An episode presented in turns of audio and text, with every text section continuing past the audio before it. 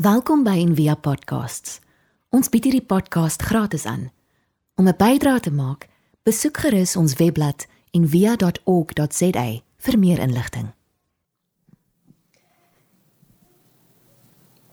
Job is vir my een van die verhale wat my hart en my verbeelding die meeste aangryp, maar waarvan my kop die minste begryp. En ek dink dit is die die punt van van van misterie. Ehm um, die verligtingsera het vir ons kom wys, nie vir ons nie, nie een van ons was daar nie. Maar mense het gesê dit waarna ek kan vat en dit wat ek kan besit is nou die belangrikste. En die goeders wat ek nie kan sien nie, die onsigbare mites, gelykenisse dis nou onbelangrik. C.S. Lewis het gesê, um in hierdie tyd is die hemele vermoor en die kerk het die begrafnis hanteer.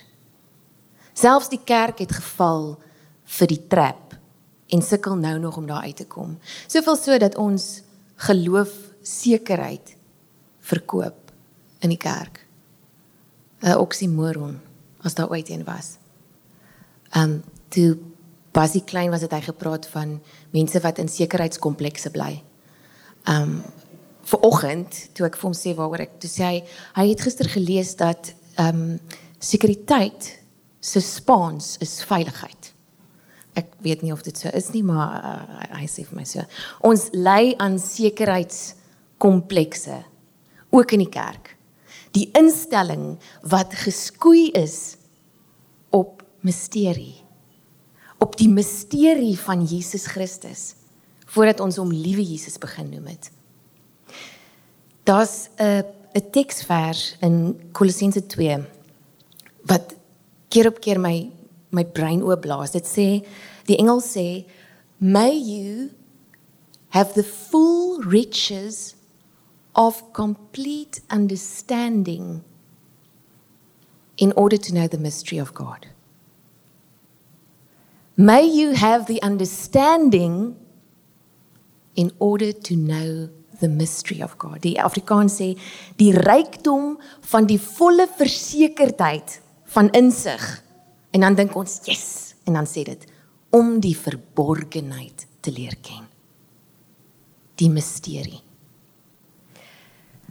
Ek wil begin met 'n die beeld van 'n van 'n van 'n moeder en 'n 'n baba. Nou die ehm um, sielkunde lees vir leer vir ons die baba ontwikkel 'n sterk persoonlike identiteit as gevolg van die ma se aand of die pa of die pa se aandag aan detail of oplettendheid. Die piepklein babatjie moet 'n ervaring hê van die ma se se almag dat dat die ma of die ouer in beheer is dat die ma as dit ware berge kan versit om die nood te ontmoet van hierdie babatjie. Die baba moet sekerheid hê dat sy kan ingryp na behoeftes. Die lewe as dit ware kan omvorm, die lewe, die klein lewe soos wat die baba dit sien. En hierdie ervaring as dit as dit 'n babatjie is, lei nie tot selfsug nie. Dit lei na gesondheid en krag en vryheid om eerlik op die ma en ander mense te reageer.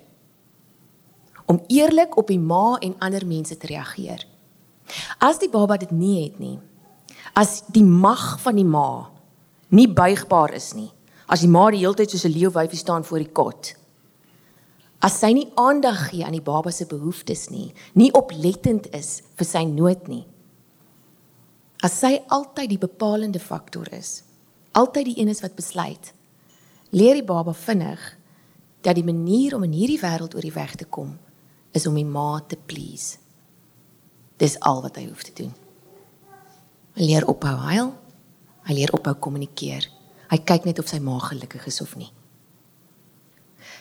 En dit lei tot die vorming van wat ons noem 'n uh, 'n vals self om ander mense die hele tyd te please, om nie eerlik te wees met jou behoeftes nie. En dis presies wat hier in Job aangaan. Ehm um, Job verloor alles. En nie soos wat ons sê alles soos wat iemand as iemand bankrot gaan nie. Alles. Nie net sy geld nie, nie net sy spaargeld nie. Sy familie. Sy hele familie, sy gesondheid, alles. En dan kom daar drie vriende en later nog 'n vriend wat dink hulle is God se persoonlike papegaaie en hulle kom sit by hom. En daar gebeur iets. Hulle het 'n argument.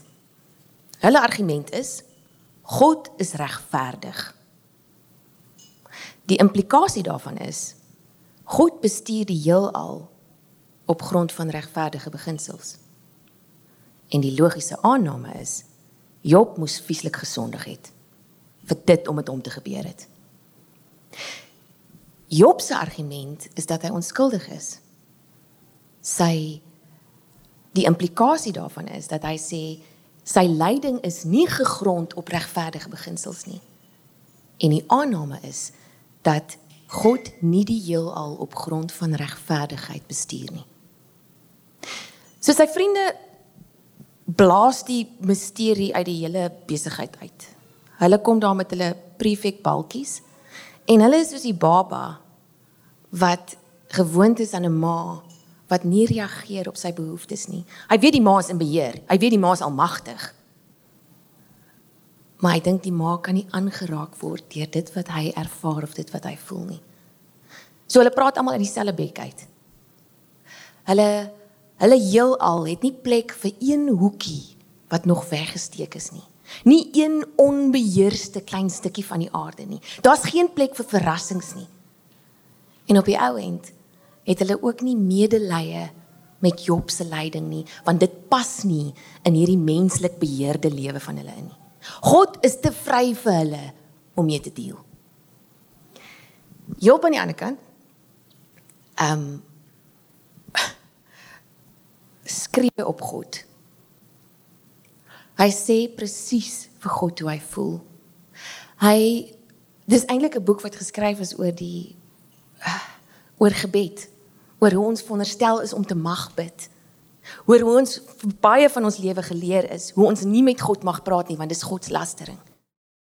Job grens op 'n stadium aan sarkasme. Hy sê vir hom: "As jy hier is, wat ek nie dink jy is nie, kom uit." maar hy hou nie op kommunikeer nie. Hy weet sy God, sy ma is een wat langs die kot staan en reageer op hoe hy voel en dink. En dan uiteindelik in hoofstuk 38 na wat ons gedink het asseblief asseblief God antwoord nou net asseblief antwoord nou net want hierdie kan nie aangaan nie dan maak God sy mond oop. Maar hy antwoord nie vir Job nie. Hy vra omtrent ek dink 80 retoriese wedervrae, soos 'n stortvloed van vrae wat uit sy mond uitkom. En mense sou kon sê dat die groot die groot probleem van Job, die groot ding wat Job aanspreek, is nog steeds vir ons 'n probleem. Dis hoekom mense nie in God glo nie. Want dit wat met ons gebeur, en nie net met ons nie, Dit wat ons sien rondom ons, die lyding, die verskriklike goed wat met mense gebeur, kan nie rym met 'n liefdevolle God nie. En hier kry God die kans in hoofstuk 38 om hierdie ding vir ons uit te klaar.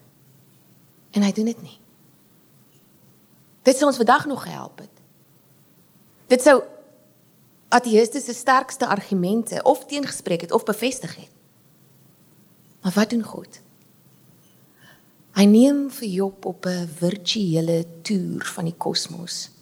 En dis asof hy nie een diertjie, ek weet daar's baie diere, maar dis asof hy nie een diertjie uitlaat nie. Hy hy gaan van die bokke, hy begin eers by die see en die wolke en die skatkamers van die sneeu en die watersakke van die hemel wat ek dink môre oor ons gaan uitsak. amper seker nie eysterstookkamers wat nou aan die gang is, wat daarbo is, ek weet nie. En dan begin hy na die diereriem toe gaan, die beer, die leeu, die kraai, die steenbokke, die takbokke, die wilde esel, die buffel, die volstruis.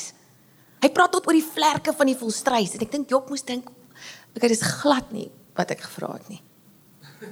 Wie wys vir jou 'n krokodil as jy vir hom sê ek verstaan nie wat aangaan nie. Is jy daar? Ja, daar's die krokodil.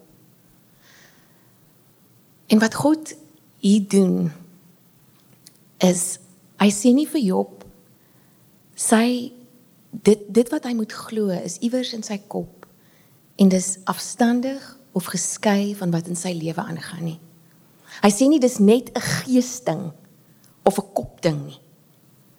Hy sê Job, jy is deel van hierdie skepping. Ek wys vir jou dit waarvan jy deel is, die natuur. Dis asof hy vir Job 'n kykgat wil gee op 'n uitsig. En so vorm hy sy insig. Ons wil altyd eers insig hê. Ons wil altyd eers weet en kan sien voor ons die view kan hê. Maar baie keer werk dit andersom. God wys die uitsig, net 'n kykgat op 'n groter uitsig as wat ons het. En dan lei dit tot insig. Ehm um, hierdie storie wat eintlik prosa en poësie is. Jy sien. Jy sien. Ehm um, wys vir my of sê vir my dat daar verskillende maniere is om na God te kyk, maar eintlik twee maniere. En daai twee maniere vorm twee verskillende tipe mense. Of die pliggies. En van in die kerk is daar baie pliggies. Die die die prefekte van God wat net vir God heeltyd wil please. En dan die worstelaars. Die intieme, eerlike worstelaars. En aan die einde sê God vir Job: Job, jy was reg. Nie hoe jy gedink het nie. Nie nie die manier hoe jou teologie was nie.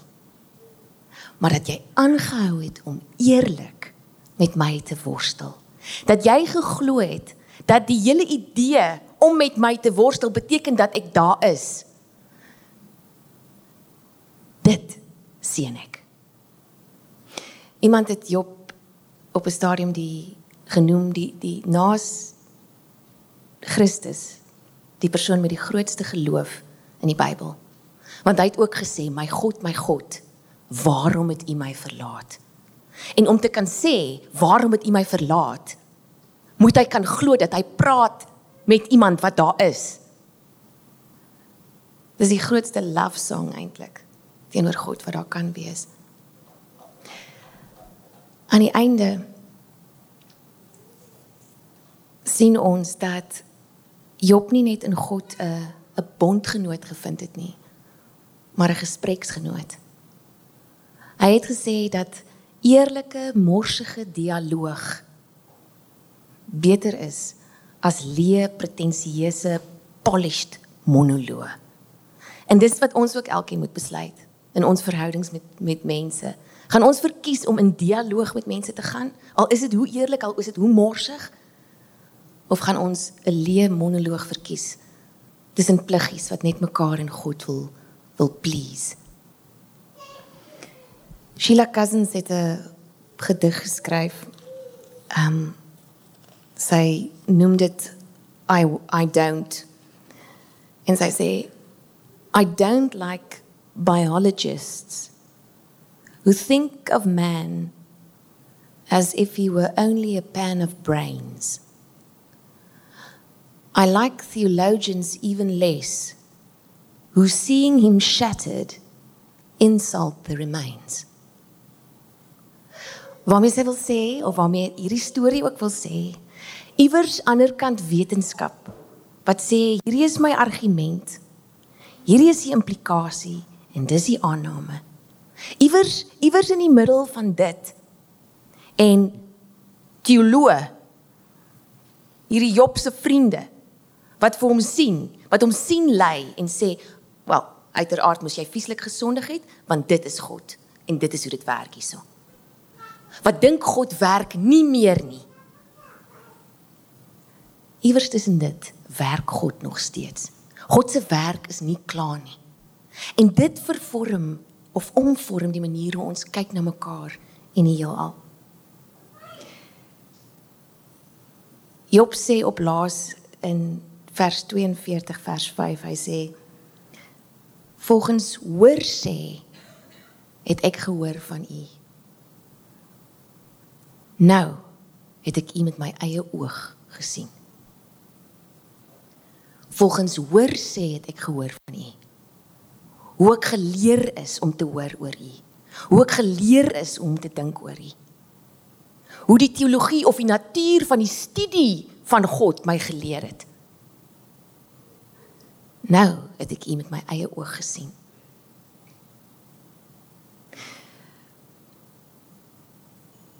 Ons kan besluit of ons meer oor God wil praat of meer met God. Dit is die dis die dis die uitnodiging. En dan sê Job en daarom herroep ek. Daarom onthou ek. Nie net omdat ek gehoor het van U nie, omdat ek gesien het. Daarom onthou ek. Ons gaan afsluit met 'n uh, 'n sang wat wat gaan oor die die sang se naam is Dante's Prayer en daar's al baie vergelykings getref tussen Dante wat die Inferno geskryf het wat deur al die lae van die hel moes gaan om om sy geliefde in die hemel te kon sien en en Job wat deur al hierdie lae moes gaan van sy pyn om uiteindelik die misterie of die hemel weer te kon sien oopbreek. Um Dante's Prayer is die sang se naam. Misterie van van God. Jesus Christus wat daarom ook aan ons gedink het deur vir ons 'n bietjie verstaan, 'n bietjie begrip wil gee, maar net om weer nog meer van die misterie te mag ken. Dankie vir u liefde. Dankie vir die storie van Job wat wat net weer vir ons kom sê liefde. Verhouding. Hart tot hart, gees tot gees, siel tot siel. Dis dis ons enigste behoud. Nie oor ons hoe ons dink oor U nie.